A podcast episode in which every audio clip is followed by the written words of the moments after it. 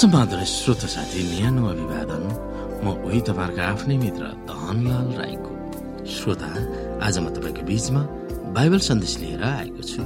आजको बाइबल सन्देशको शीर्षक रहेको छ परमेश्वरको लाल मोहर छाप र पशुको छाप भन्ने बाइबल सन्देशको उपसंहार।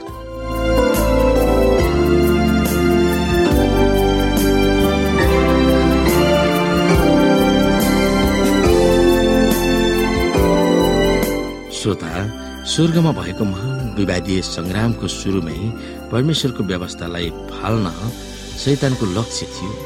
यही लक्ष्य पूरा गर्न शैतान सृष्टिकर्ता परमेश्वरको विरुद्धमा विद्रोह गरिरहेको थियो। उसलाई स्वर्गबाट फ्याँकिए तापनि उसले परमेश्वरको व्यवस्थाको विरुद्धमा यस पृथ्वीमा आफ्नो युद्ध जारी राखेको छ। अनेकौं छल र प्रपञ्चहरू रचेर परमेश्वरको दश आज्ञालाई इसाई हौ भनेर दावी गर्ने मानिसहरूले पनि नमानोस् भनेर निरन्तर रूपमा उसले प्रयास गरिरहेको छ। चाहे पुरै दश आज्ञाहरू अस्वीकार गरेर होस् वा केवल एउटा मात्र अस्वीकार गरेर होस् त्यसको नतिजा एउटै हुनेछ। इसाई धर्मका गुरु तथा विद्वानहरूलाई प्रयोग गरेर दश आज्ञालाई तिरस्कार गर्न लगाउने शैतानको प्रयासमा बाइबलका गरिमामय शिक्षाहरूलाई पनि बङ्ग्याउन दिएका छन्।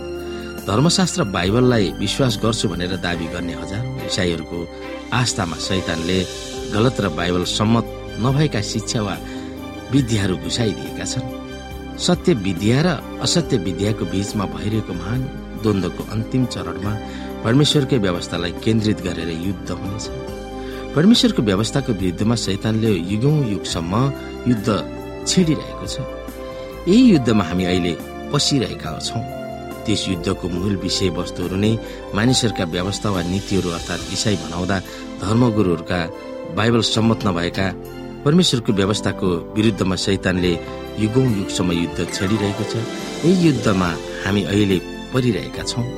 त्यस युद्धको मूल विषय वस्तुहरू नै मानिसहरूका व्यवस्था वा नीतिहरू अर्थात् इसाई भनाउँदा धर्मगुरूहरूका बाइबल सम्मत नभएका नीतिहरू र यहोबेका नीतिहरू र बाइबलको सिद्ध धर्म र अनेकौं परम्परा र काल्पनिक वा पुराणहरू भित्राएर धर्मलाई स्वीकार गर्ने भन्नेमा हुनेछ।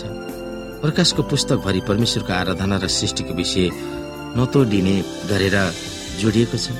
असल र खराबको बीचमा भइरहेको महान विवाद र पशुको छापको विषयवस्तुमा परमेश्वर आराधनाको योग्य हुनुहुन्छ कि हुनुहुन्न भन्ने मूल विवादको केन्द्रबिन्दु हो।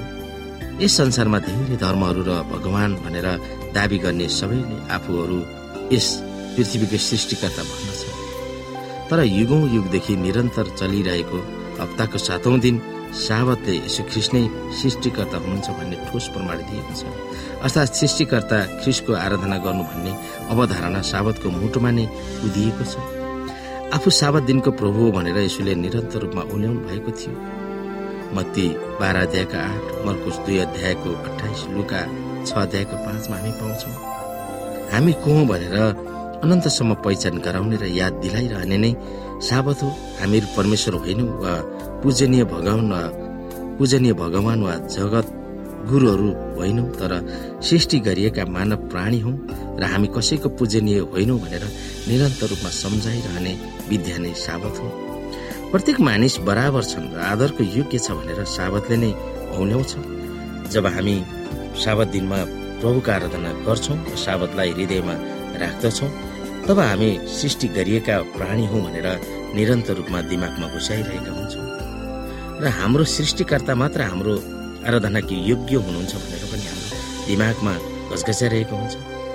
त्यसै कारणले शैतानले साबतलाई धेरै घिरा गर्छ र इसाई भनाउँदा प्रोटेस्टेन्ट चर्चहरूका अन्यायहरू हुन् वा रोमन क्याथोलिकका अन्यायहरू हुन्। तिनीहरूलाई नै प्रयोग गरेर मानव जगतमा साबतको विरुद्धमा घिडा उसैले फैलाइरहेको छ। हाम्रो सृष्टिकर्तासँग एकतामा राख्ने सुनुङ्लो सिक्रिने साबत हो।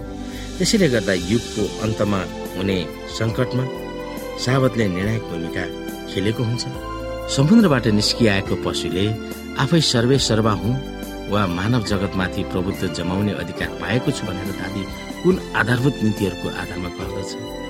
त्यही आफ्नो भाउ खोज्ने नीति वा प्रवृत्तिहरू थाहै नपाइकन हाम्रा हृदयहरूमा कसरी अड्डा जमाउन सक्छन् भनेर हामीले अगाडि हेऱ्यौँ।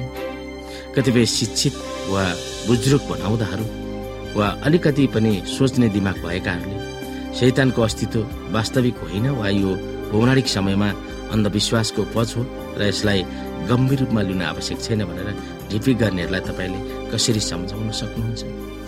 तपाईँले कस्तो तर्क तिनीहरूको सामु प्रस्तुत गर्नुहुन्छ त्यो तपाईँमा भर पर्दछ हामीले हेऱ्यौँ कि शैतानले स्वर्गमा लडाइँ गर्यो सत्यको विरुद्धमा असत्य भएर लडाइँ गर्यो र परमेश्वरसँगै बराबरी हुने हक र अधिकार उसले खोज्यो त्यहाँनिर। र उसलाई परमेश्वरले स्वर्गबाट पृथ्वीमा खसालिदिनु भयो र उसले एक तिहाई स्वर्गदूत सहित यो संसारमा आएको छ। र हामीले अघि हेरौँ कि उसले आफ्नो काम कर्तव्यलाई जारी राखेको छ। मानिसलाई भट्काउने मानिसहरूमा गलत शिक्षाको बीजारोपण गर्ने र मानिसहरूलाई विभिन्न प्रलोभनमा पारेर असत्यलाई अगाडि सार्ने नीति उसको यो संसारमा छ। परमेश्वरको व्यवस्थाको विरुद्धमा आफ्नो युद्ध उसले यस संसारमा पूर्ण रूपमा जारी राखेको छ। त्यो विषयमा हामीले कसरी बुझ्न सक्छौँ? साबत र परमेश्वरको विषयमा उसले ठुलो एउटा भङ्गालो ल्याइदिएको छ ताकि मानिसहरूलाई उसले भ्रममा राखिदिएको छ।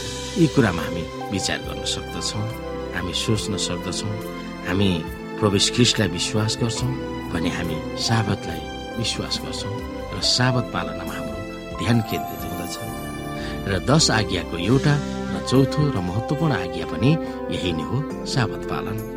ताकि त्यो दिनमा हामीले हरेक कुराहरूबाट विश्राम लिनेछौँ कि छ दिनसम्म गरिएको कामहरूबाट विश्राम लिएर सातौं दिनमा हामी प्रभुको महिमा आराधना प्रशंसा स्तुति गर्नेछौँ।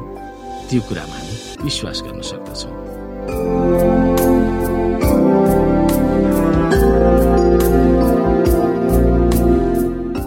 श्रोता साथी आजको लागि बाइबल सन्देश यति नै। हस्त नमस्ते। जय मसिंह।